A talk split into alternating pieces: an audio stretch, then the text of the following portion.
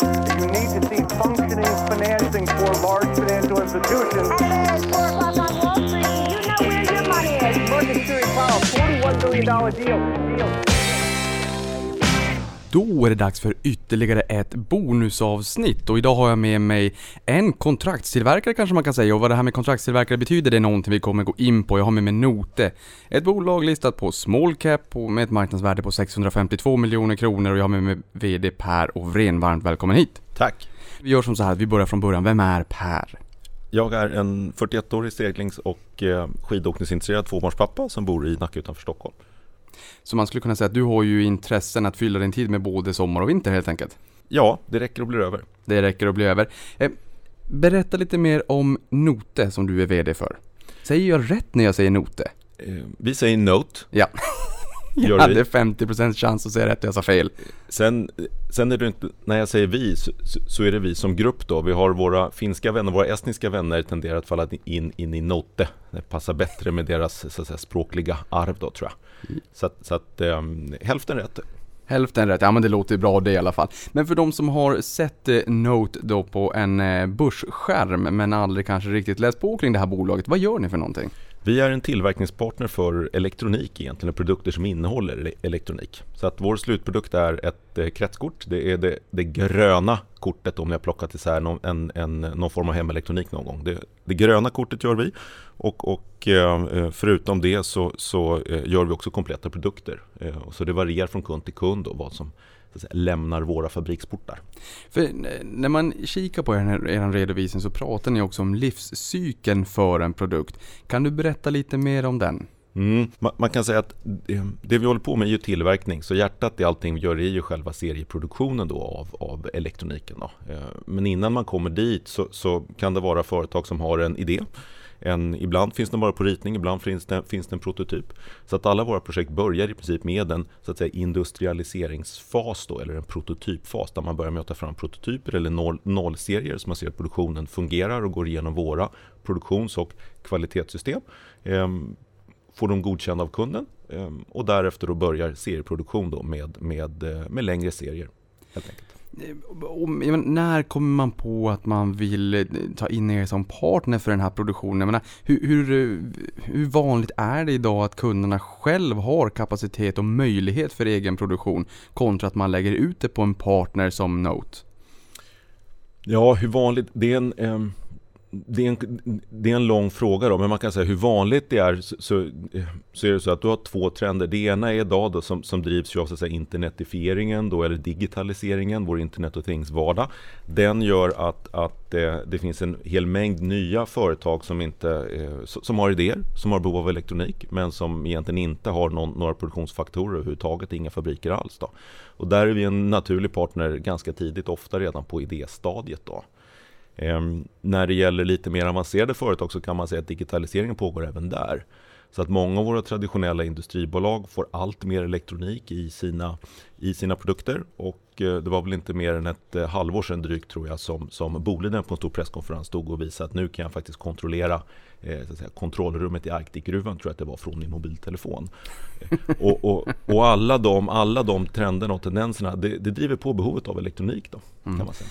Alldeles strax kommer vi gå in på vilka typkunder ni har och då vill jag också komma in lite grann på industri 4.0 och när man börjar ta hem eh, arbetskraft från låglöneländer och att bli mera eh, teknik och digitaliserat och där kan jag tänka mig att ni också kanske kommer in. Men innan dess, hur är Note eh, organiserat? Vi är organiserat som vi redovisar i två geografiska enheter. Eh, där eh, Västeuropa eh, står för eh, drygt 50% av omsättningen och Rest of World som vi kallar det då, då som är våra fabriker i Estland och Kina eh, står för knappt hälften av, av omsättningen.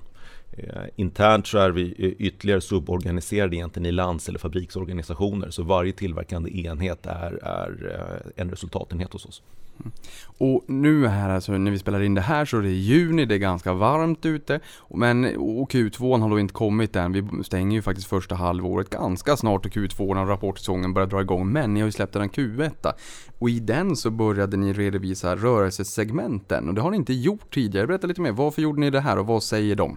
I grund och botten så är det ett, ett eh, ökade, ökad redovisningskrav som gör att vi släpper rörelsesegmenten just nu. Eh, sen har vi väl själva känt att det är viktigt att kommunicera vilka typer av kunder vi har då, i tillägg. Då. Eh, det är ganska stor skillnad på att producera så att säga, billig konsumentelektronik och eh, det som vi huvudsakligen gör, vilket är mer avancerad eh, verkstads, verkstads eller industrielektronik. Eh, då. Det där är en jättebra poäng, för du säger billig konsumentelektronik. Hur ser potentialen, lönsamheten ut där i förhållande till det segmentet som ni eh, verkar inom? Det är två helt olika segment och nischer. Ehm, du har, eh, vi har konkurrenter som är tusen gånger så stora. Eh, om man då tar de som producerar åt, åt Apple till exempel. Då. Vi har konkurrenter som är 3, 4, 500 gånger så stora också. Så vi är en nischspelare. Då. Och uppsättningen kan man säga Uppsättningen av maskiner påverkar också kan man säga var man väljer att producera. Eh, om du har konsumentelektronik så är det ofta enklare typer av kretskort. Det är enklare typer av, jag ska inte säga att det är enklare typer av maskiner, men det är en maskinpark som är inställd på att producera väldigt, ett väldigt standardiserat flöde, väldigt få modell och produktvariationer eh, i väldigt långa serier. Eh, vår maskinpark och vår fabrik är inställda på en helt annan typ av produktion. Eh, mycket högre variationsflora, mycket mer avancerade kort, alltså fler komponenter på korten. Eh, och så vidare. Och, och, eh, och det är en stor skillnad utifrån eh, maskinuppsättning på, på fabriksnivå eller produktionslinjenivå. Kan man säga. Så att egentligen om man tar det här och, och jämför med klädbranschen så är ni inte H&M eller Zara som har sina, sitt basic-utbud utan ni är mera den här skräddaren som skräddarsyr kläder. Snarare med de här kortare serierna som du pratar om. Ja, det kan man säga. Sen så tror jag man ska ha, det, det, det, finns skillnad på så att säga korta och korta och vad som är långa och långa. Vi gör, vår, vår, våra största serier går upp till en knapp miljon per år. Det är våra längsta serier. Eh, sen har vi också då, du var inne på livscykelperspektivet tidigare då. då. Eh, det finns också liksom en eftermarknad där vi eh, också helt enkelt gör reservdelar till, till produkter som har funnits länge. Eh, som vi var inne på, industrisegmentet, långa produktlivscykler och man har ett större behov av att det är hög kvalitet, produkter som håller länge och därmed finns det också en eftermarknad. När någon säger eftermarknad, då tror jag att de flesta tänker på ah, där är det bättre marginaler. Vad säger du om det?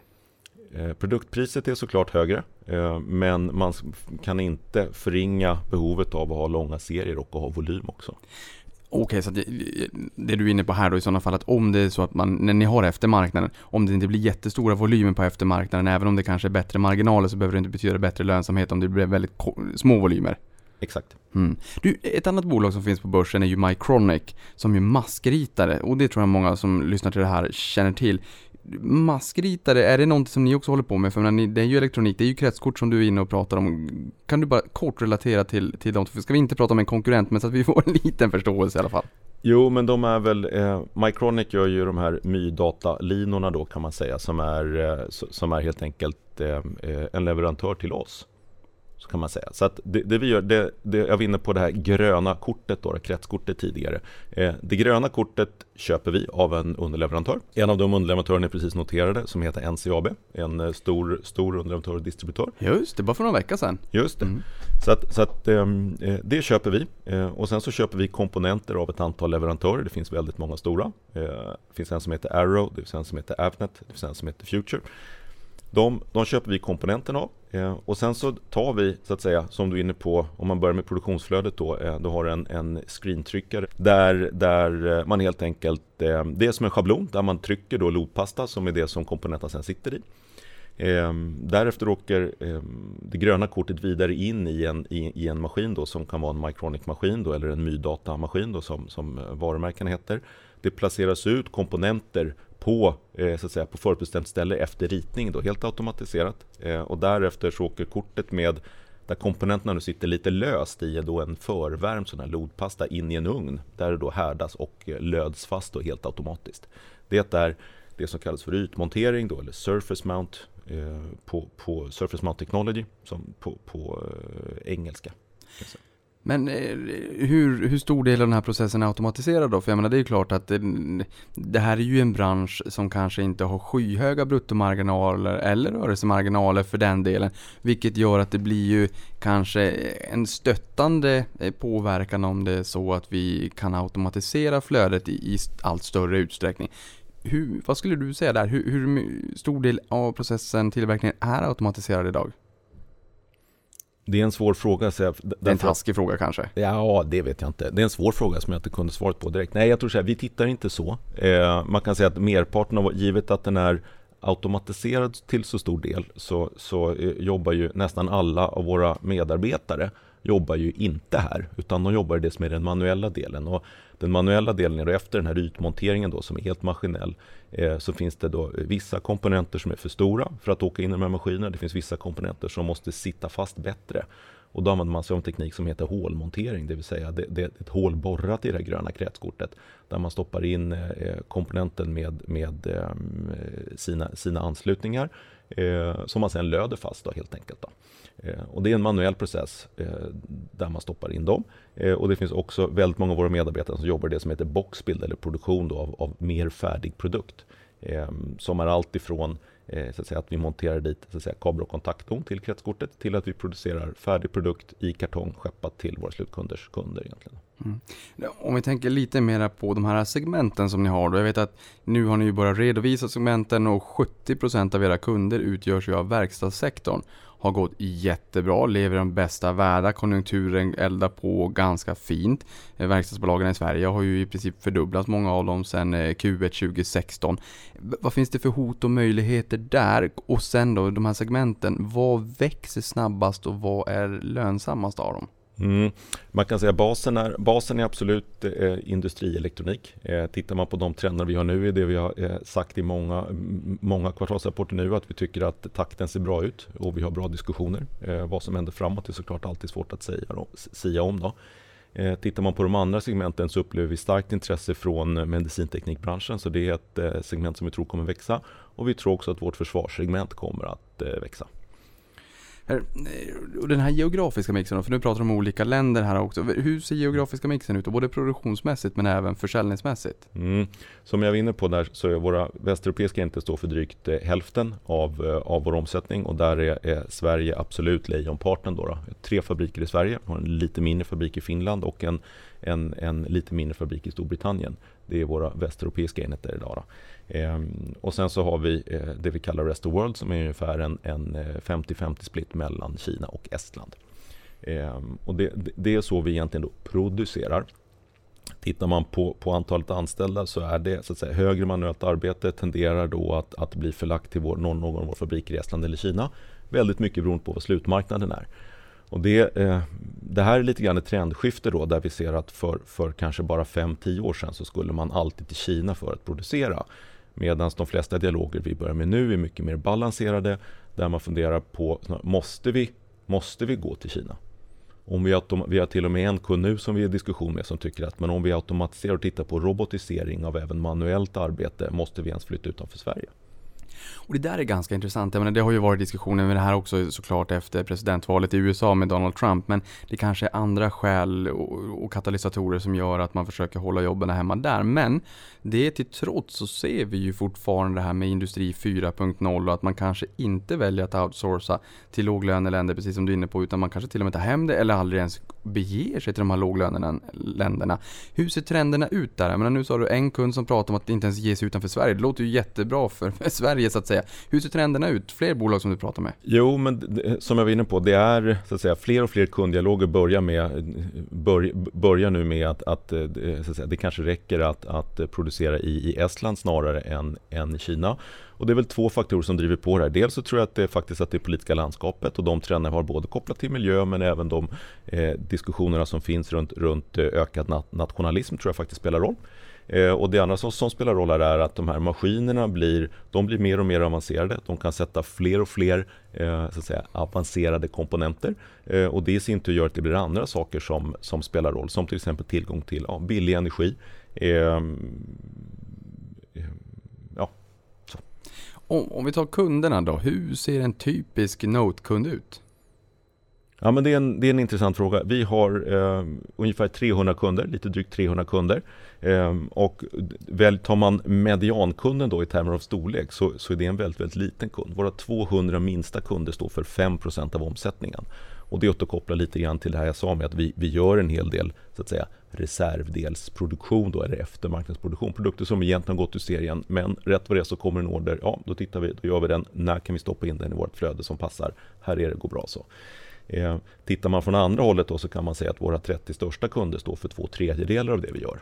Så att, så att ehm, eh, beroende på vilket perspektiv man har så får man två helt olika svar. Eh, tittar vi framåt så är det ganska uppenbart att, att ska vi växa det här bolaget då med, med 10% per år, som vi pratar om att göra nu, eh, så är det ganska uppenbart att det måste komma från de här 30 största kunderna och eller då så måste de här minsta kunderna växa till sig och bli, och bli eh, några, någon av våra 30 största. Ja, och det där kommer vi ju att komma in ytterligare lite mer på. Men som du säger, de 200 kunderna står för 5% av omsättningen, sen två tredjedelar på de allra största. Man kan ju både se möjligheter och hot här. Vad, vad är hoten jag menar, kring om det är så att en, en mindre andel av kunderna faktiskt står för en så pass stor del av intäkten? Om det är så att någon väljer att byta leverantör tänker jag. Ja, eh, vi ser det nog inte så, utan vi tycker nog att kundbasen är väldigt, väldigt bred. Och Vi har vår, vår största kund står för i princip 8% av vår omsättning. Eh, så att, och, och, sen så har vi en hel del där som, som är mellan 5 och 8% av omsättningen. Eh, många av de här kundrelationerna är, är ju som vi har talat om tidigare också väldigt, väldigt långa. Eh, 80 % av den totala försäljningen eh, är kundsamarbeten som vi har haft som är längre än fem år och många är, är väldigt mycket längre än så. Det där tycker jag är intressant för om, det är någonting i sådana fall som gör att kunderna stannar. 80% har varit längre tid än fem år. Fem år är ändå ganska lång tid. Vad är det som gör att de väljer att stanna hos er istället för att exempelvis konkurrensutsätta hos konkurrenterna? Vi blir konkurrensutsatta men jag tror att svaret är att vi, vi levererar en, en, en tjänst och, och, och, produkter som, som helt enkelt är konkurrenskraftiga. Ehm, Mm. Vi pratade tidigare om försvarsindustrin är en typ av kund, sen har vi läkemedelsindustrin. Vad har vi mer? Traditionell industri, mm. eh, såklart till, väldigt stor del och där handlar det väldigt mycket om, om styrenheter. Eh, så. Eh, det är också så att många av de här produktionslinjerna de genomgår moderniseringar och blir mer och mer elektrifierade också. Så, vilket ökar elektronikinnehållet och det är också så att vi, vi tycker oss se att vi växer marknadsandel på de, kund, de här kunderna som vi redan har. Det vill säga vi får produkter som vi tidigare inte hade. Och de här styrenheterna, nu får du ju förstå att jag då är en lekman, men det låter ju som att det här gynnas kraftigt av eh, Industri 4.0. Och mer och mer i, i produktionslinjerna ska automatiserat att man behöver den här typen av produkter. Nej, men vi tror det. Tittar man på branschbedömare så, så eh, tror de att marknaden för elektronik kommer växa med ungefär 5, av, 5 eh, per år. Och, och eh, det, det, vad som ligger bakom det är helt enkelt ökat elektronikinnehåll överallt i samhället. Vi, ja, som, som, som några exempel då, så, så pratar vi med ett bolag som pratar om att sätta in elektronik i fönster. Eh, och det är klart det är någonting som man inte kunde eh, tänka sig för liksom 5-10 år sedan. Eh, jag tror fler och fler av oss observerar vänner och bekanta som börjar skaffa elektroniska lås. Ehm, och det driver också på såklart på elektronik, saker som var helt mekaniska som blir elektromekaniska som kanske, kanske med tiden blir helt, helt elektriska. Ja, det där är faktiskt jättespännande. Jag tror att de som lyssnar på det här kanske funderar att kan man ens idag sätta in elektronik i ett fönster? Men det kan man alldeles uppenbarligen. Ehm, för de som har läst ehm, Dagens Industri skrev här för några år sedan om att 85% av låsmarknaden i Sydkorea är digitaliserad. Det är den inte riktigt i Sverige. Är ni en av de aktörerna som levererar eh, eh, kretskorten till elektroniska lås? Eh, vi har en, en stor mängd kunder inom det område vi kallar avancerad kommunikation då egentligen då, och, och eh, säkerhet. Sen så har vi inga, inga kommunicerade samband med någon, eh, någon stor låstillverkare. Eh, någonting annat som jag tänker mig också det är ju försvarsindustrin. För där vet vi ju att i USA har man bannlyst amerikanska bolag att samarbeta med ZTE då efter att det kom fram att de hade Eh, mot USAs vilja om man så vill eh, exporterat varor till Iran. Och det där slog ju jättehårt mot bolaget. De började faktiskt handlas här i fredags och föll 40% efter att ha varit handelsstoppade då i två månader.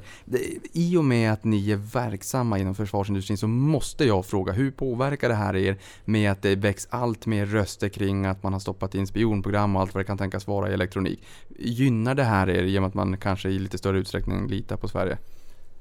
Det är svårt att säga. Det, det, finns alltid och har funnits under lång tid diskussioner om, om IP-rättigheter. Eh, vi har kunder som kräver att man har produktion på, på eh, separata IT-system och separata datorer. Och så vidare, som, där, där nätverken självfallet är separerade. Tittar man på försvarsindustrin så är den eh, ofta väldigt knuten till, till landet. Det vill säga det, det är egentligen ganska lite eh, av den produktionen som, som eh, beställs från ett land som produceras i ett annat land. Eh, vi släppte ju till exempel då en, en eh, pressrelease för några, för eh, några veckor sedan om, om eh, att vi fått en order från, från Saab. Eh, och det är ett tecken på produkter då som, som typiskt sett då produceras innanför Sveriges gränser. Mm, intressant. Du, i och med att ni nu har börjat redovisa de här rörelsesegmenten, för det kommer ni fortsätta med framåt om jag förstår det rätt? Ja. Ja, trevligt. Går det att säga någonting om lönsamheten i de respektive kundsegmenten eller håller ni det för er själva?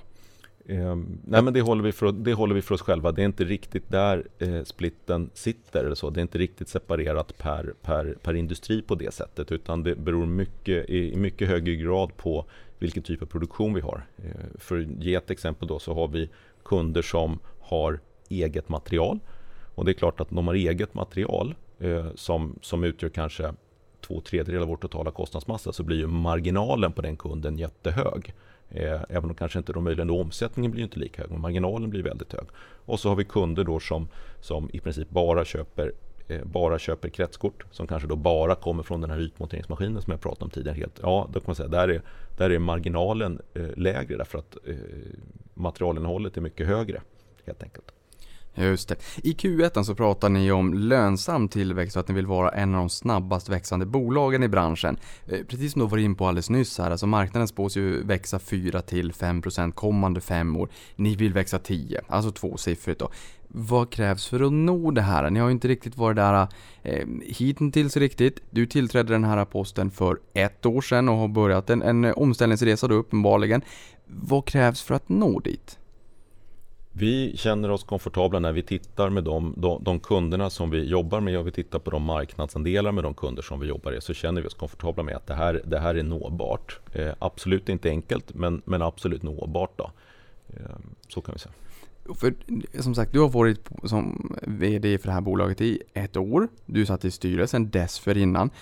En intressant fråga här är ju, även om det är kort tid, vad är skill största skillnaden idag i förhållande till när du tillträdde så att säga? Vad, vad har du lagt mest krut på? Är det den här breddningen av kunder eller vad är det för någonting du? Man kan säga så här att min, min eh, filosofi då, eller grundtanke i det, i det eh, sättet som, som jag är skolad på det, att det, det finns väldigt ofta så finns det väldigt mycket tillväxt väldigt nära kärnan. Men man glömmer bort det för att man vill hela tiden prata om nya segment eller nya kunder eller väldigt nya applikationer så istället för att fokusera på vänta nu här, vilka kunder har jag, hur ser de ut, vad är potentialen på de här kunderna och när man sen prioriterar då, vad är lättast att vinna? Kan jag vinna ett projekt till på den här kunden jag redan har?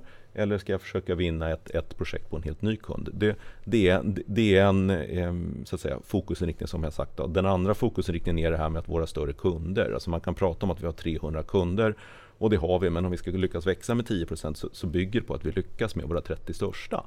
Eh, annars kommer det inte att gå. Alltså, kan ta exemplet, skulle vi växa med de, med, de, med, de, med de små kunderna så skulle vi behöva lägga till 400 kunder då i och med att de 200 minsta står för 5% av varje år. Det vill säga att det blir en dryg fördubbling av kundbasen varje år. Och det, det säger sig självt att det, det, det mäktar vi inte med personellt. Då, då. Ja, men det, det, där tycker jag också är jätteintressant, för man brukar ju säga det, liksom, lägg 80, 20% av tiden på det som gör 80% av skillnaden helt enkelt. Ehm, och, och här undrar jag, för ni har ju lagt ett eh, omfattande arbete på att faktiskt bredda kundbasen.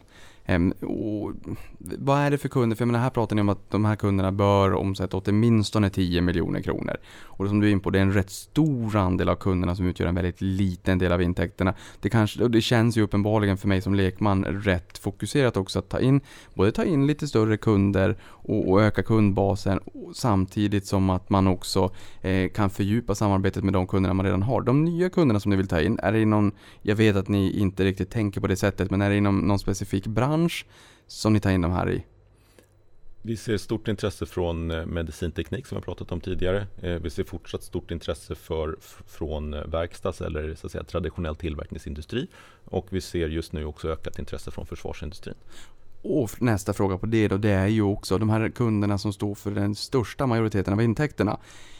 Du pratar om att man kan fördjupa samarbetet och vinna fler kontrakt.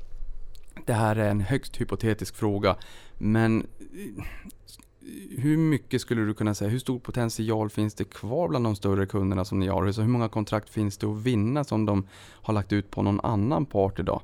Om, om man skulle kunna försöka ge något svepande svar, för en exakt siffra det kan vi ju inte ge såklart. Nej, men man kan säga att flera av de, de kunder som är bland våra största eh, har vi eh, en väldigt låg andel av deras då, totala elektronikinköp av. Då. Och, och, när jag säger låg så, så eh, är det väl under 20 procent. Mm. Eh, man brukar också prata om repetitiva intäkter. Och menar, här har ni ju kontraktstillverkare, men som sagt, du, du sa här nyligen att 80% av kunderna har funnits längre tid än fem år. Ehm, det innebär ju att ni har haft väldigt långa kundrelationer och det, vissa serier är längre och vissa lite kortare så att säga. Men ett begrepp som marknaden älskar det är ju det här med repetitiva intäkter och riktigt hur det faller in i er verksamhet, det vet jag inte riktigt. Ni har ju eftermarknad och sådär, men det kanske inte blir repetitivt på samma sätt som att ni har mjukvaruprogram som ni får en eh, månads prenumerationspeng eh, för varje månad. Men tolka det som du vill. Finns det några former av repetitiva intäkter i Note? Jag skulle säga att nästan allting förutom möjligen då reservdelsproduktionen är repetitivt. Eh, och, och, här kanske lite grann är skil, skiljelinjen då mellan så att säga kontraktstillverkning i, i så att säga dess mening som kanske många av oss ser framför oss att nu behöver jag någon som tillverkar 4000 bultar. Okej, okay, var kan jag handla upp dem då?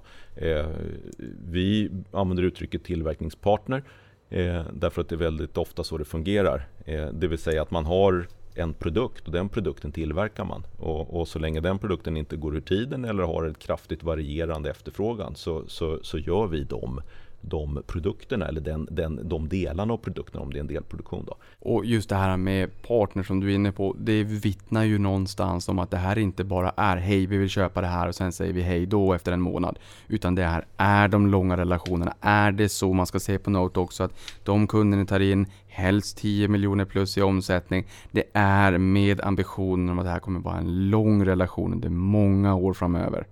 Absolut. Alltså, vårt engagemang som vi pratade lite grann om tidigare börjar ofta på ett, ett idéstadium då, eller, eller ett prototypstadie där man har eh, så att säga, vi är delaktiga med kundernas forsknings och utvecklingsavdelningar i nästa generationen. Eh, vi tillhandahåller det man kallar för DFM-tjänster på engelska eller eller produktionsdesign kan man säga på svenska, design for manufacturing eller produktionsdesign. Inte, inte ren konstruktion, det vill säga kommer man med, med liksom pappret helt vitt, vitt och säger kan ni göra det här? Då har vi ett antal designbyråer och partners som säger så ja vänta nu här, ni får göra en grundritning här. Men sen när grundritningen kommer till oss så hjälper vi till eh, med, med produktionsdesign och det, det handlar om att göra eh, så att säga, produkten då effektiv att producera. Och det kan vara små justeringar i komponentval. Det kan vara justeringar i layout på, på själva kortet. Så kan man inte göra kortet 4 mm smalare, eh, då vinner vi ett antal produktionsfördelar. Så det kan vara sådana typer av, av frågor som vi hjälper kunder med. Och det där skapar såklart naturliga, naturliga band. Det bygger ett förtroende eh, mellan, mellan oss och kunderna. Eh, så är det. Men, men, just det här också, när man, när man väljer er, vad är, det, liksom, vad är de viktigaste punkterna som gör att eh, en, en kund, en blivande partner, väljer just er? Vad differentierar Note i förhållande till konkurrenterna där ute? Det som kommer ut tydligast i våra kundundersökningar är, är, är, är ordet flexibilitet. Så när vi frågar kunderna hur pass nöjda de är, så de som är allra mest nöjda och, och eh, verkligen rekommenderar oss, de pratar om flexibilitet. Och också de som inte är riktigt lika nöjda, eh, de eh, pratar också om ordet flexibilitet.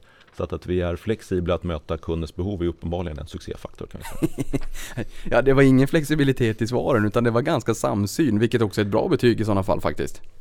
Eh, tillväxten här, ni vill ju växa tvåsiffrigt, 10% minst, lägger jag till.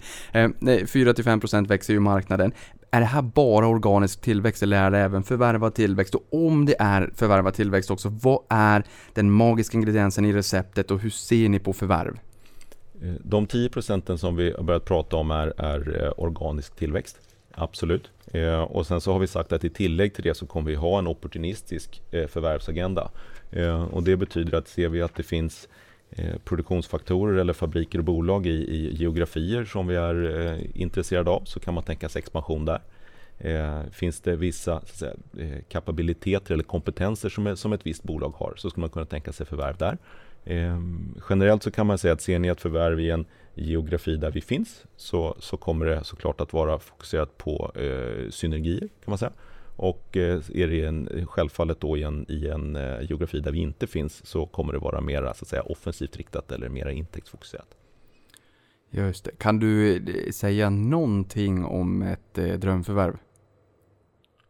Eh, jag har nog inte sådana, jag har en opportunistisk agenda. Så, så det, det, blir, alla som kommer med ett fint bolag till ett bra pris blir väl ett drömförvärv då, inte så? Ja, men det låter väl bra. Bra svar. Det här med, med produktionen då. Eh, hur ser kapacitetsutnyttjandet i, i fabrikerna ut? Jag tänker som hur, hur, mycket mer kan ni skala upp och få skalfördelar i produktionen innan det är så att hm, nu måste vi verkligen investera för nu kan vi inte producera något mer. Hur, hur ser det ut där? Jag ser inte framför mig att vi behöver investera i, i nya fabriker eh, för, att, för att täcka den här tillväxten i varje fall de kommande 3-5 åren. Eh, sen gör vi flaskhalsinvesteringar. Det har vi gjort under hela förra, förra året. Vi gör moderniseringar av befintliga produktionslinor också Eh, kontinuerligt. De här flaskhalsinvesteringarna då? Alltså, hur, hur stor del av topline är det där? Alltså går det att säga någonting? Är det liksom, brinner det lite här och var och det blir ad hoc och man får släcka bränder för att det dyker upp de här flaskhalsarna eh, lite varstans? Eller är det så att vi, vi, vi fyller på och tilläggsinvesterar lite här och var om det behövs och, och påta på i trädgården. Men vi kan ändå skala upp produktionen ganska mycket. Vilket gör att det också blir en, en operationell hävstång. Vart på den där skalan befinner ni er? Ehm, det är, det är väl både och kan man säga. Tittar man, om man jämför våra rörelsemarginaler med våra konkurrenter så kan man säga att de är redan relativt höga. Ehm, så, sen så tror jag väl, ser jag väl inte framför mig att med en, en eh, så att säga, ökad försäljning att marginalerna ska sjunka. Ehm, historiskt så har, eh, historiskt så, så har ungefär 15-20% av en omsättningsförändring eh, trillat ner till, till sista raden då, eller till rörelseresultatet. Eh, sen är det klart i takt med att man investerar mer behöver vi också förstärka organisationen i termer av eh, kundansvariga, eh, nya ingenjörer och så vidare.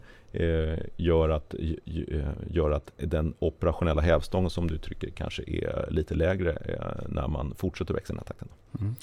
Backar vi bak 10 år sedan, då hade vi finanskrisen 2007-2008. Då hade ni en försäljning på 1,7 miljarder. Nu 10 år senare så har ni en försäljning på ungefär 1,2 miljarder. Ehm, rörelsemarginalen har stärkts. Du sa alldeles precis att ni har bättre marginaler än snittet av era konkurrenter. Men marginalerna har ju varit ganska slagiga mellan åren. Ehm, vad är det som gör att omsättningen är lägre idag än för 10 år sedan och vad är, går det att säga vad en långsiktigt uthållig marginalnivå är? Ehm, om vi tar omsättningsfrågan först och bolagsstrukturen så är det en helt, eh, det är en helt annan koncern idag. Eh, den, den, eh, eh, den koncern som vi, som vi eh, bygger nu är fokuserad bara på elektronik med partners för ja, mekanik då, eller så att säga, eh, andra delar. Det vi hade tidigare, då hade vi egen mekanisk bearbetning, egna svarvar och så vidare. Eh, vilket vilket vi, vi, vi inte har idag. Eh, och dessutom så har man då gjort en, en, en stor konsolidering där man stängt ett antal tillverkningsenheter då, eh, eh i, i eh, sviten efter finanskrisen. Ja, och där kan vi ju bara dra till minnes nu här bara för några minuter sedan när du sa att det finns ganska goda förutsättningar att skala upp eh, produktionen ganska mycket. Vilket gör att eh, även om ni har stängt fabriker här, om vi blickar bak de senaste tio åren, så idag har ni ju ändå möjlighet att faktiskt möta kundernas efterfrågan. Vilket är bra även fast ni har stängt de här fabrikerna. Absolut. Mm. Eh, vidare på rörelsemarginalen då. Hur hög kan rörelsemarginalen bli när konkurrensen hårdnar? Och jag menar, det kan ju vara så att era kunder kanske känner att ja, men nu får vi välja en annan lösning, en annan konkurrent eller insourcing. Sen hur vanligt insourcing är och att kunderna inte fokuserar på kärnverksamheten utan ska börja tillverka det själv. Det har jag ingen aning om. Jag är som sagt lekman. Mm. Eh, eller förläggning då i lö låglöneländer. Hur hur hög kan marginalen bli innan det börjar sticka i ögonen och de vill leta sig vidare någon annanstans? Tittar man på, på de finansiella målen vi har så har vi eh, så att säga, som mål att avkasta 20 på, på operativt kapital. Eh, och det är ungefär där vi, där vi ligger nu. Eh, så så, att, så att, eh, eh, det ger väl någonting. Jag aktar mig för att guida om hur hög en rörelsemarginal kan bli tror jag. Men, men eh, tittar man på våra konkurrenter så ligger vi, eh, ligger vi bra till rent, eh, rent eh, marginalmässigt då. Det tycker jag. Mm.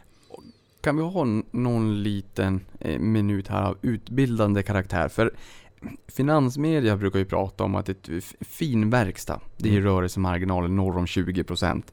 Men kontraktstillverkare som ni själva har ju pre- pressade marginaler, både bruttomarginaler och rörelsemarginaler. Men ni kanske har lite lageromsättningshastighet som gör att det likt Axfood eller en torktumlare blir en fin räntabilitet på det ena kapitalet eller på, på operativt kapital som ni är inne på som också är ett av era finansiella mål då. Hur ska man tänka när det kommer till kontraktstillverkare kring Note? Kan, kan du guida lyssnaren här så att man förstår Note och hur man ska tänka så man inte bara faller i den här fällan att titta på klassiska nyckeltal och säga nej, det här det, det rimmar inte med det klassiska som jag lärt mig vid skolbänken. Det köper jag inte. Yeah. Nej, men jag tror som du är inne på, tittar man på, på eh, räntabiliteten då, eller avkastningen på sysselsatt kapital, det tycker jag är ett, ett ganska relevant mått eh, oavsett, oavsett bolag egentligen. Då. Alltså du kan säga givet att du har eh, så att säga, eh, en relativt låg rörelsemarginal så kan man ju så att säga, snurra sitt kapital lite snabbare. Eh, vi snurrar vårt kapital ungefär tre gånger. Vi har en, eller vi har en, en rörelsemarginal på ungefär 7% vilket ger då summa summarum 7 gånger 3 21, då, 20 eh, Där ligger vi nu. Eh, det finns ju man kan ha helt andra upplägg också. Tar man, det finns ju bolag som har så 2, 3, 4 rörelsemarginal eh, snurrar kapitalet ännu fortare. Eh, Axfood. Axfood till exempel.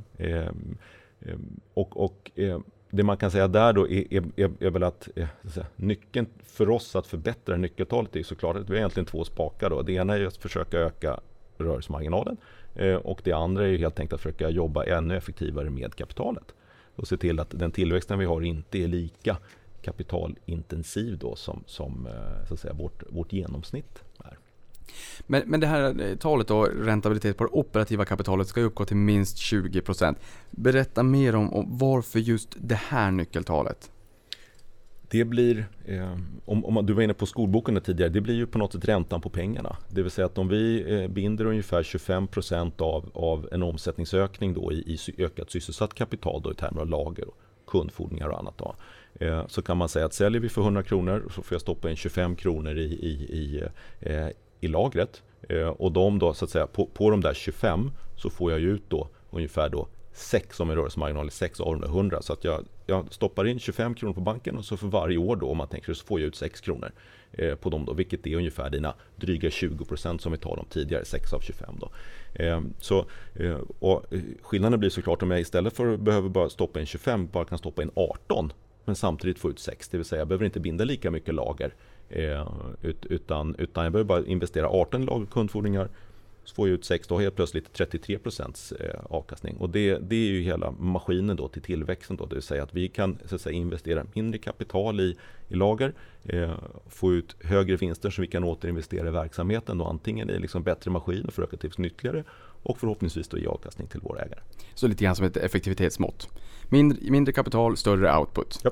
Eh, någonting som jag tänker, och just det här med sysselsatt kapital, det kan man ju också säga, det är ju ungefär som att antingen så har man familjen och barnen hemma som hjälper till att diska och sätta diskmaskinen och städa och dammsuga och allt vad det är. Det blir ju det egna kapitalet. Sen har du ju det främmande kapital då också. Och det kan ju vara att man sysselsätter någon på stan med liksom en, en, en regelrätt anställning och det gör man då kanske lånar pengar av banken. Så det här tänker ni ju både på liksom det egna kapitalet, på, på det främmande lånade kapitalet, men inte pengar, alltså kassa och bank så att säga och, och inte heller eh, fakturer från, eh, från kunder så att säga som inte är räntebärande för vår elräkning är ju inte heller räntebärande utan det är kapitalet som kostar för bolaget då helt enkelt. Konjunkturen säger man ju är glödhet. Synkroniserad tillväxt är en term som vi har sett i finansmedia eh, här nu på senare tid. Och också att det faktiskt har dykt upp lite, lite frågetecken och varningsrop som säger att ja, men det kan kanske vara så att konjunkturen har toppat. Det här är ju en jättekonstig cykel får vi ju säga också, som vi har levt i de senaste åren. Men ni har ju liksom toppat med rörelsemarginaler över 6% under bra år samtidigt som det har varit förluster under lite svagare år. Hur konjunkturkänsligt skulle du säga att Note är? Det är en stor andel verkstad. Sen har ni eftermarknaden och sådär också. Men frågan så att säga, hur ser, hur ser konkurrensen ut just nu och hur cykliskt är Note egentligen? Tittar man på, på, på eh, historiken så, så återigen så hoppas jag inte att den är, kommer visa sig vara jämförbar. Då. Eh, vi har en mycket, mycket, mycket eh, så att säga, linare och mer flexibel organisation. Då, så flexibiliteten gäller inte bara kunden utan det gäller ju även oss. Eh, där vi har en, en stor del av, av arbetsstyrkan i, i, eh, i eh, eh, traditionella låglöneländer. Så det är ett sätt att skydda sig eh, mot konjunktursvängningar. Det andra sättet att skydda sig är att vi försöker jobba med i viss mån då till bemanningsbolag som många av industribolagen gör, gör i Sverige för att hantera, snabbt kunna så att säga, justera både vår kostnadsmassa och, och vår produktionskraft. Då, då. Går det att säga eller är det bara önsketänkande det här med både Industri 4.0, Internet of Things och att allt, att det bygger upp så pass mycket efterfrågan där ute att vi kanske pratar om någon form av sekulär tillväxt. Jag menar det är klart, det är väldigt mycket verkstadsindustri. Ehm, du pratade även om att många kunder som kommer in är med läkemedelssektorn. Om jag säger sekulär tillväxt, säger du sorry, det, så är det inte eller finns det någon gnutta sanning i det? Vad menar du med sekulär tillväxt? Ja, men jag menar att det är en tillväxt som inte bara är beroende av BNP-tillväxten och konjunkturen utan att det finns någon form av strukturell tillväxt i branscher. Det, det kanske digitaliseras, det ökar efterfrågan på era produkter som gör att även om det är så att temperaturen i ekonomin både i Sverige och globalt kyls ner lite grann så är det fortfarande så att efterfrågan på era produkter kommer vara densamma eller kanske stiga ungefär som att vi blir äldre och äldre och behöver mer vård och vad det kan tänkas vara. Finns det någon form av tillväxt i Note som inte är eh, helt beroende av hur snabbt de ekonomiska hjulen snurrar? Nej men det är klart att det är det. det, det med återigen då, det är klart att en stark konjunktur hjälper ju alla bolag i, i, i eh, så. Eh, du har som du är inne på digitaliseringen som, som driver på elektronik generellt i samhället. Eh, tittar vi på de kunddialoger vi för så tycker vi snarare att de intensifieras än att de avmattas. Så, vilket, vilket gör att vi känner oss trygga med, med året och, och en bit framåt efter det egentligen. Det jag tänker på där med kunderna, ehm, det är att när ni vill ta in nya kunder och bredda kundbasen, det är jättebra för det sänker ju också risken om de ska som sagt då omsätta helst minst 10 miljoner kronor. Men eh, samtidigt så vill ni ju fördjupa relationen med de kunderna ni har som är stora redan i dagsläget. Eh, om jag säger att det är billigare att försöka fördjupa relationen till de befintliga kunderna, stämmer det? Ja. Men och hur ser balansen ut där? För det måste ju också vara lite mera humankapitalintensivt att försöka jaga nya kunder. Hur ser balansen ut mellan att försöka jaga de här nya kunderna som gör att man också minskar risken i, i kundbasen kontra att fördjupa samarbetena med de kunderna man redan har idag? Vi, vi är uppdelade så att, att befintliga kunder eh, hanteras av eh, så att säga, kontansvariga på eh, respektive fabrik eller tillverkningsenhet. Då. Eh, där man har en dialog, naturlig dialog om, om potentiell förbättringar i nuvarande produkt. Man har en långsiktig relation med, med, eh, eh mot, med motparterna. Eh, så vi separerar det från det vi kallar då nykundsbearbetning som är en separat säljstyrka som egentligen tänker nytt, tittar nytt eh, för att kunna hålla fokus på, egentligen på båda områdena just den här produktionen då också, för det var vi in på tidigare, att produktionen och automatiseringen och det, det gör att det är ju marginalstöttande. Kan du se eh, i dagsläget att det finns ytterligare potential i er produktion för att stärka och effektivisera den här, eh, minska kostnaden och således då stärka marginalerna? Nu ska vi ha med i åtanke att du Per nyss har sagt att marginalerna är på väldigt goda nivåer, både historiskt i förhållande till er själva men även till konkurrenterna. Men vad ser du framför dig att göra än mer i produktionen? Eh, det gör det alltid. Eh, så vi jobbar eh, varje år så har vi ett antal effektiviseringsprojekt för att ja, både bibehålla och, och stärka marginalerna. Det är så att vi har ju så att säga, löneinflation varje år, absolut. Lite, lite grann i Sverige och Västeuropa, lite högre i, i Östeuropa och framförallt i Kina så är löneinflationen hög. Då. Så där måste man jobba med effektiviseringar hela tiden. Då. Och det, det, är allt ifrån mer automatiserade verktyg, det är högre effektivitet i, i produktionen. Eh, kvalitet har vi inte pratat så mycket om, men, men givet den kostnadsstrukturen vi har så är ju så att säga kvaliteten A och O. Det vill säga gör vi, gör vi för många fel och inte har tillräckligt hög då yield eller effektivitet i processerna så kommer vår lönsamhet att försvinna. Eh, både på grund av att vi får göra en massa omarbetningar eh, men kanske ytterst för att vi får missnöjda kunder. Men den här eh, kvaliteten, för det är ju någonting som ni faktiskt är inne och pratar väldigt mycket om i er redovisning. Så den får du gärna sväva ut lite, lite mer kring. Men är ska vi tänka som så ungefär som när man går till en, till en fabriksoutlet och handlar godis eller bröd eller vad det kan tänkas vara till andrahandssortering som det blev något fel på? Är det det du menar? Eh, ja, alltså man kan säga förutom det att det finns inte så mycket andrahandssortering med elektronik. Det är, ju, det är ju digitalt i ordets rätta bemärkelse, ett eller noll, rätt eller fel. Eh, man kan säga, vi producerar ju vital del Eh, eller, eller, eller verksamhetskritisk del då, eh, av, av eh, många gånger större, större applikationer där vår del kan kosta allt ifrån några hundralappar, kanske upp till ett par tusen kronor. Då. Eh, men det är klart att om du sätter det i perspektiv med en stor produktionslina som kostar eh, miljoner och kanske tiotals miljoner eh, att köpa in och tänkte sen då effektivitetsförlusten i om en, en sån här produktionslina stannar. Ja, det förstår jag verkligen. Men eh, i och med att ni då är inne och pratar väldigt mycket kring just kvaliteten och att det är viktigt för er. Berätta mer om, om hur ni jobbar med kvalitet. Varje, eh, så att säga, alla eh, enheter är ISO-certifierade enligt kvalitet självklart och, och jobbar med ett strukturerat kvalitetsarbete. Och dessutom då så, så, så försöker vi hela tiden då jobba med rotorsaker både själva och tillsammans med kunder om vi hittar, hitta problem i en, i en, i en produktion. Eh, och det kan leda till allt ifrån små designförändringar, det kan leda till byte av enskilda komponenter och i vissa fall då även byte av eh, teknik. Då. Hur, kan du säga någonting om hur stor er marknadsandel är? Och det både liksom marknaden och marknadspotentialen men även Notes eh, egen marknadsandel i det här i nischen ni verkar i så att säga. Så att man får någon form av känsla för hur stor potentialen faktiskt är för de här äh, 10% tillväxt årligen som du pratade om tidigare. Just det. Alltså, vi, vi, arbet, vi, vi är ju verksamma på en marknad som är, är fullkomligt gigantiskt global. Då. Så man måste titta på eh, man måste titta på ehm, sina segment. Då. Eh, jag nämnde tidigare att vi har konkurrenter då som är upp till tusen gånger större eh, som vi kanske inte möter så ofta men konkurrenter som är både 200-300 gånger större eh, eh, möter vi faktiskt och, och vinner, vinner. Man brukar prata om 425 miljarder dollar eller någonstans där mellan 400-450 miljarder dollar för, för den typ av elektronik vi håller på med. och då är det klart att med, med det perspektivet så är vi en absolut mygga.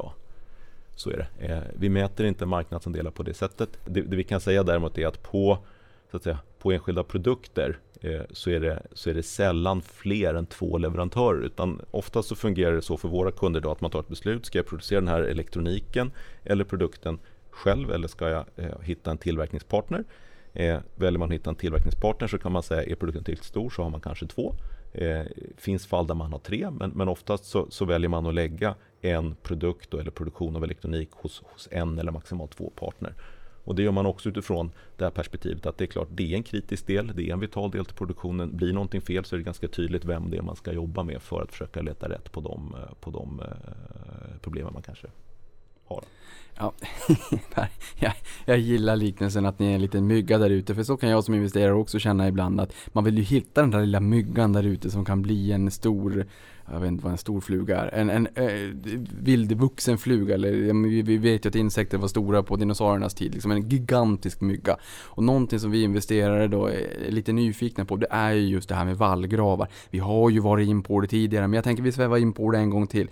Du, du berättade lite grann om vad, vad som differentierar Note från konkurrenterna. Men, men vad gör ni för att bygga de här vallgravarna för att ni ska bli så pass sticky så att era eh, kunder som ni fördjupar relationerna med inte vill byta till någon annan och kanske också word of mouth, prata med andra som säger ja men vi vill också ha Note. Ja, men det där sista eh, tar jag fasta på och bygger på. Alltså det, det, vi brukar prata om, vår, vår, vår, vision eller vision and mission är att försöka vara det här. Det, vi vill bli kundens uppenbara val va? Och, och den bästa partner man kan tänka sig. Då, eh, så att man inte vill gå någon annanstans. Eh, sen eh, är det fortfarande så att, att, så att säga, i princip allting vi gör är så att säga, konkurrensutsatt. Då. Tillbaka till dina, kan man ha 20% i marginaler? Jag tror så, här, så länge man inte har någon egen IP så är det nog svårt att ha liksom 20% i rörelsemarginaler. Eh, av, av, av eh, förklarliga skäl. Då. Däremot då så kan man säga att, att, att är det, så att säga, vi har eh, en hel del unicitet eller unikitet i, i eh, så att säga, teknologi eh, ur ett te teknologiperspektiv. Då. Eh, vi är väldigt duktiga på det vi pratar om, man, här, tuffa miljöer. Eh, så. Eh, och, och ha, du har ett skifte nu kopplat till den här digitaliseringen där elektronik går från även för verkstads och industrielektronik där man tidigare kanske hade elektroniken separerad i vissa typer av skåp, stod väldigt skyddat bra till att du flyttar ut mer och mer elektronik ute på fältet, ut i nya typer av produkter och miljöer. Eh, där man då behöver ett annat, lite, lite annat tillverkningssätt då kanske än vad man, vad man haft historiskt. Så, att, så att, ehm, vi tror att det gynnar oss. Berätta lite mer om det där, för jag menar, eh, när man läser på om ert bolag så säger ni ju att, eller ja, dels har du sagt här att det inte är konsumentelektronik, men det, ni pratar också om att det är eh, elektronik som ska klara ganska, eh, vad ska vi säga, hårda förhållanden, vind och, och vatten vatten och sand och allt vad det kan tänkas vara. Ehm, och då tänker man ju direkt på någon sån här äh, gammal tegelsten till, till telefon som klarar äh, allt möjligt ute på en ganska hård arbetsplats eller, eller olika hårda förhållanden och det bör ju vara mer lönsamt för ni bör kunna ta bättre betalt än ett kretskort i en leksak. Absolut. Kort och gott, absolut. Jag gillar det. Du, det finns ju en annan trend som, eh, som du har varit in på här lite grann tidigare och det är ju boxbild. För ni har ju lite olika typer av produkter, boxbild och förstå, liksom, ni bygger ju allting. Och det är, ni pratar om det här, det är en tydlig trend, kunderna väljer allt högre grad tillverkning av kompletta produkter, boxbild. Vad betyder det här för någonting och hur påverkar det lönsamheten? De här olika områdena som ni producerar, var är det bäst lönsamhet? Och vad betyder det här för er? Som jag var inne på tidigare så pratade jag lite grann om de här så att säga, ytmonterade kretskorten då, så kan man, som, är, som, är, som är högst maskinella, ofta med väldigt hög materialandel. Och, och tar man då en boxbild som handlar om mycket mer om en färdig produkt då, så är det klart att det är svårare, dels är det svårare att byta ut eh, en, en eh, leverantör som, som gör en helt färdig produkt. Då. Eh, istället för att, så att säga, bara, bara byta ut en elektronikleverantör. Det är väl eh, det är väl en del då. Eh, och, och, givet det så, så, är det också så också att det är ett, i och med att det är ett högre så att säga, eh, manuellt innehåll så, så, är marginalerna högre helt enkelt. Då. Eh, inom, inom, eh, inom boxbildområdet. Då. Eh, det vi benämner som boxbild är eh, egentligen allting som är en raffinering av ett kretskort. Som jag var inne på tidigare, ibland handlar det om att sätta på några kablar och kontaktdon, ibland är det ett, ett submontage och ibland är det en, en helt färdig produkt. Så, så just det här med boxbild, det är ju någonting som faktiskt stöttar era marginaler då? Absolut. Ja. Det, det, är också intressant som jag tänker på, det är ju just det här med att det är väldigt många eh, faktorer som gör att efterfrågan på elektronik växer väldigt mycket och även om eh, marginalerna kanske för en kontraktstillverkare traditionellt sett är pressade så innebär det också då, om nu den här efterfrågan växer strukturellt inom citationstecken om jag får säga så, så att den här räntabiliteten både på det egna och på det sysselsatta kapitalet borde ju ha, även om det är på goda nivåer, borde ju ändå ha en viss möjlighet medvind att kunna stärkas eftersom att ni har kapacitet att ta in nya kunder, öka produktionen utan att för den skullen behöva investera mycket i produktion. Nej men så är det och, och i, i tillägg till det då så, så, så eh, tror jag att skiljelinjen mellan kanske att vara en ren så att säga, kontraktstillverkare eh, och en tillverkningspartner som, som vi försöker vara eh, är, också en viss skillnad. Eh, vi, vi har produktionen för de produkterna som vi har. Antingen helt eller till, till viss del då om det finns två. Det är få fall, jag tror jag känner till ett eller två, Eh, där så att säga, kunden också har egen produktion. Eh, och, och, jag tror tittar man historiskt då med perspektiv kontraktstillverkare så har man ibland pratat om liksom derivata eller svingfaktor i konjunkturen. Att liksom, ja, nu går det bra för att nu, så, så att säga, nu får vi så att säga, eh, en 5% ökning eh, i, i, efterfrågan hos, hos slutkunden leder till en fördubbling av våra volymer. Så är det inte, utan en 5% ökning hos kunderna leder till en 5% ökning hos oss typiskt sett. Då. Just det. Och äh, du är ju in här på, på långsiktiga relationer. Och då blir jag lite nyfiken också för du pratade att någonting som är utmanande kanske det är ju löneinflationen. Att lönerna stiger och att du menar att man måste bli mer och mer effektiv då. Fast jag tänker så att en relation, speciellt om den är långsiktig, den kräver ju att man ger och tar lite grann. Hur pass förstående är era kunder för eh, prisökningar? Kan, lyckas ni eh, passa vidare kostnadsökningar på kunden? Eller blir det bara att försöka kamma hem det på ökad effektivisering eller är det kanske helt enkelt en kombination av de två? Eh, nej, alltså man kan säga att prisökningar i vår bransch är, är eh, sällsynta. Eh, så. Utan, utan det man gör istället ofta är att man försöker skapa lite mer transparenta modeller kopplat till komponentpriser. Eh, det är klart att kan vi visa att, att det här är, så att säga, nu har så att säga, motstånd eller kondensatorer eller om det är minnen eller vilken typ av komponent det är. De har faktiskt ökat med, med 8 eh, och de utgör två tredjedelar av, av er, eh, er, eh, ert produktpris. Ja, det är klart att vi kan diskutera en, en, en höjning av produktpriset där. Då. Eh, däremot så, så, så, är det så att de flesta av våra eh, så att säga, kunder eh, förväntar sig att vi effektiviserar och vi erbjuder prissänkningar eh, generellt sett. Okej, okay, ni erbjuder till och med prissänkningar? På, på, för då tänker man så här, hmm, det där är lite negativt för marginalen. Men gör ni det liksom på någon form av strukturerat och, och, och strategiskt sätt för att vinna kundens gunst än mer? Eh, I de större kontrakten så ingår det ofta så att, säga, att, att man jobbar med att få ner priset på produkten över tid. Då. Är det för att det skalar? Både för att det skalar, eh, också för att man räknar med att vi blir lite effektivare varje år. Okej. Okay. Materialkostnaden är ju den största kostnaden för produkterna i mångt och mycket. Men hur ser valutaflödena ut? Och liksom, går det att terminsäkra materialkostnader och eller valutaflöden? Ja, vi, eh, vi har så att säga eh, lite för stora kostnader i, i dollar eh, Eh, och lite för stora kostnader i, i, eh, eh, i yuan då, eller RMB då, kines, kinesisk valuta. Eh, och vi jobbar med viss så att säga, flödeshed, flödeshedging av, av dem. Så är det. Så att det skulle alltså gynna sig att arbeta med lite lobbying mot Stefan Ingves?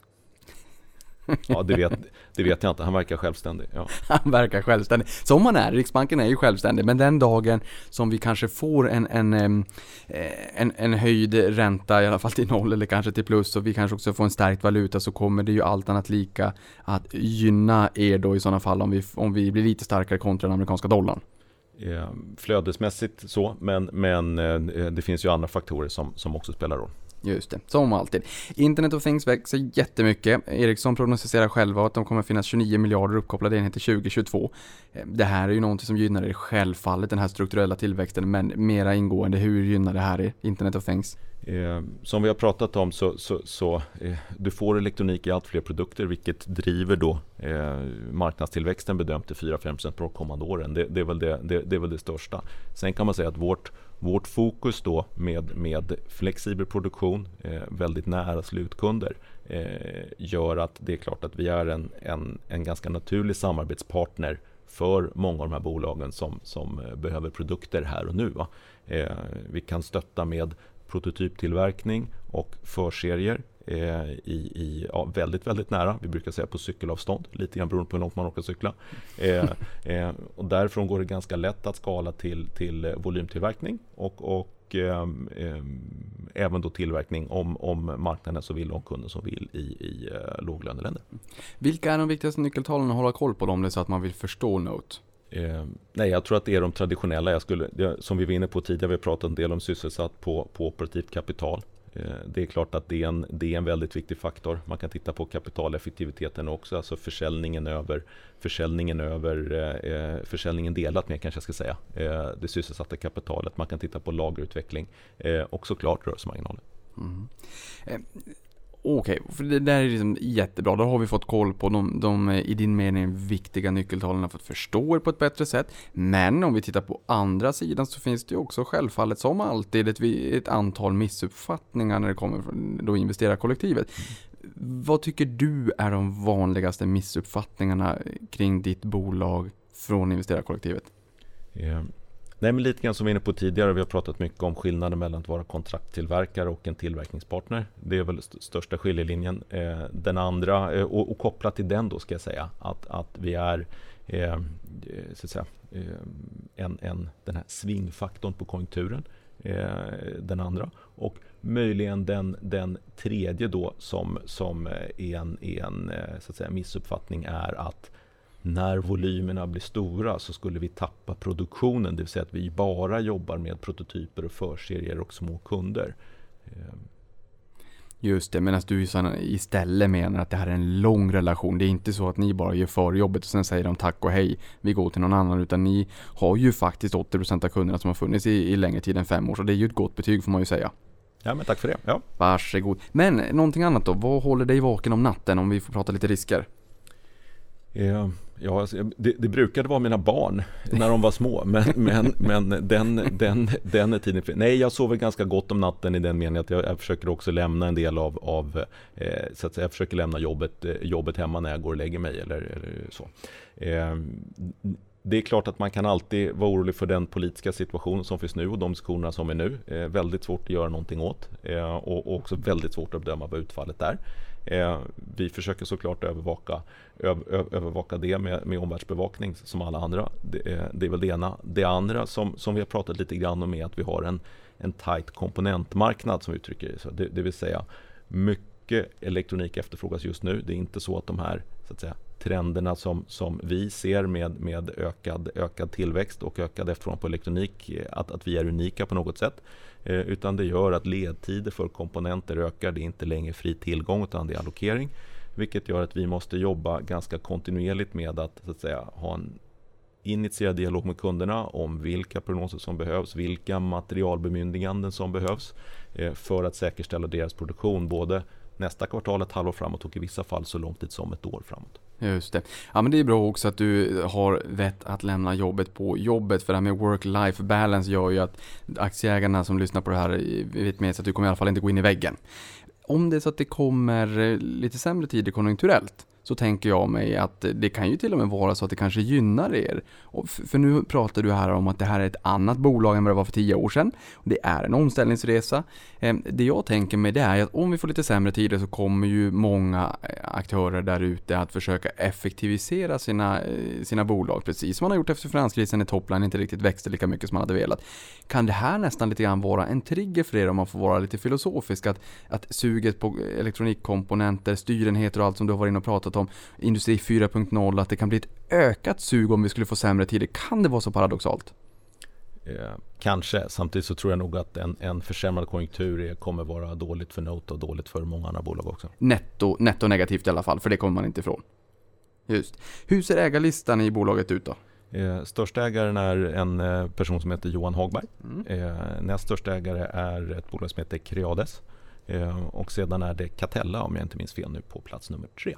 Finns det någon koppling till den här största ägaren hos er med bolaget och grundarna? Och... Eh, nej, det, det gör det okay. inte. Eh, så, utan det, det är en, en, person som gillar bolaget och har köpt på sig aktier under lång tid. Sitter i styrelsen. Sist men inte minst, vart kommer Note vara om fem år? Om fem år så hoppas jag att vi har lyckats leverera de här 10 procenten, förhoppningsvis lite till. Eh, jag tror att vi eh, finns kvar med, med eh, tillverkning ungefär som vi ser ut idag justeringar kan säkert se. Vi kanske har brutit oss in på, på någon, någon, någon ny marknad. Toppen. Vet du vad? Då återstår det bara att se efter fem år hur pass mycket värde ni skapade i bolaget. Stort tack för att du kom till podden Per och gjorde oss lite klokare när det kommer till Note kontraktstillverkning och varför det inte riktigt rimmar att bara säga kontraktstillverkning för det här handlar ju om relationer. Tack. Tack.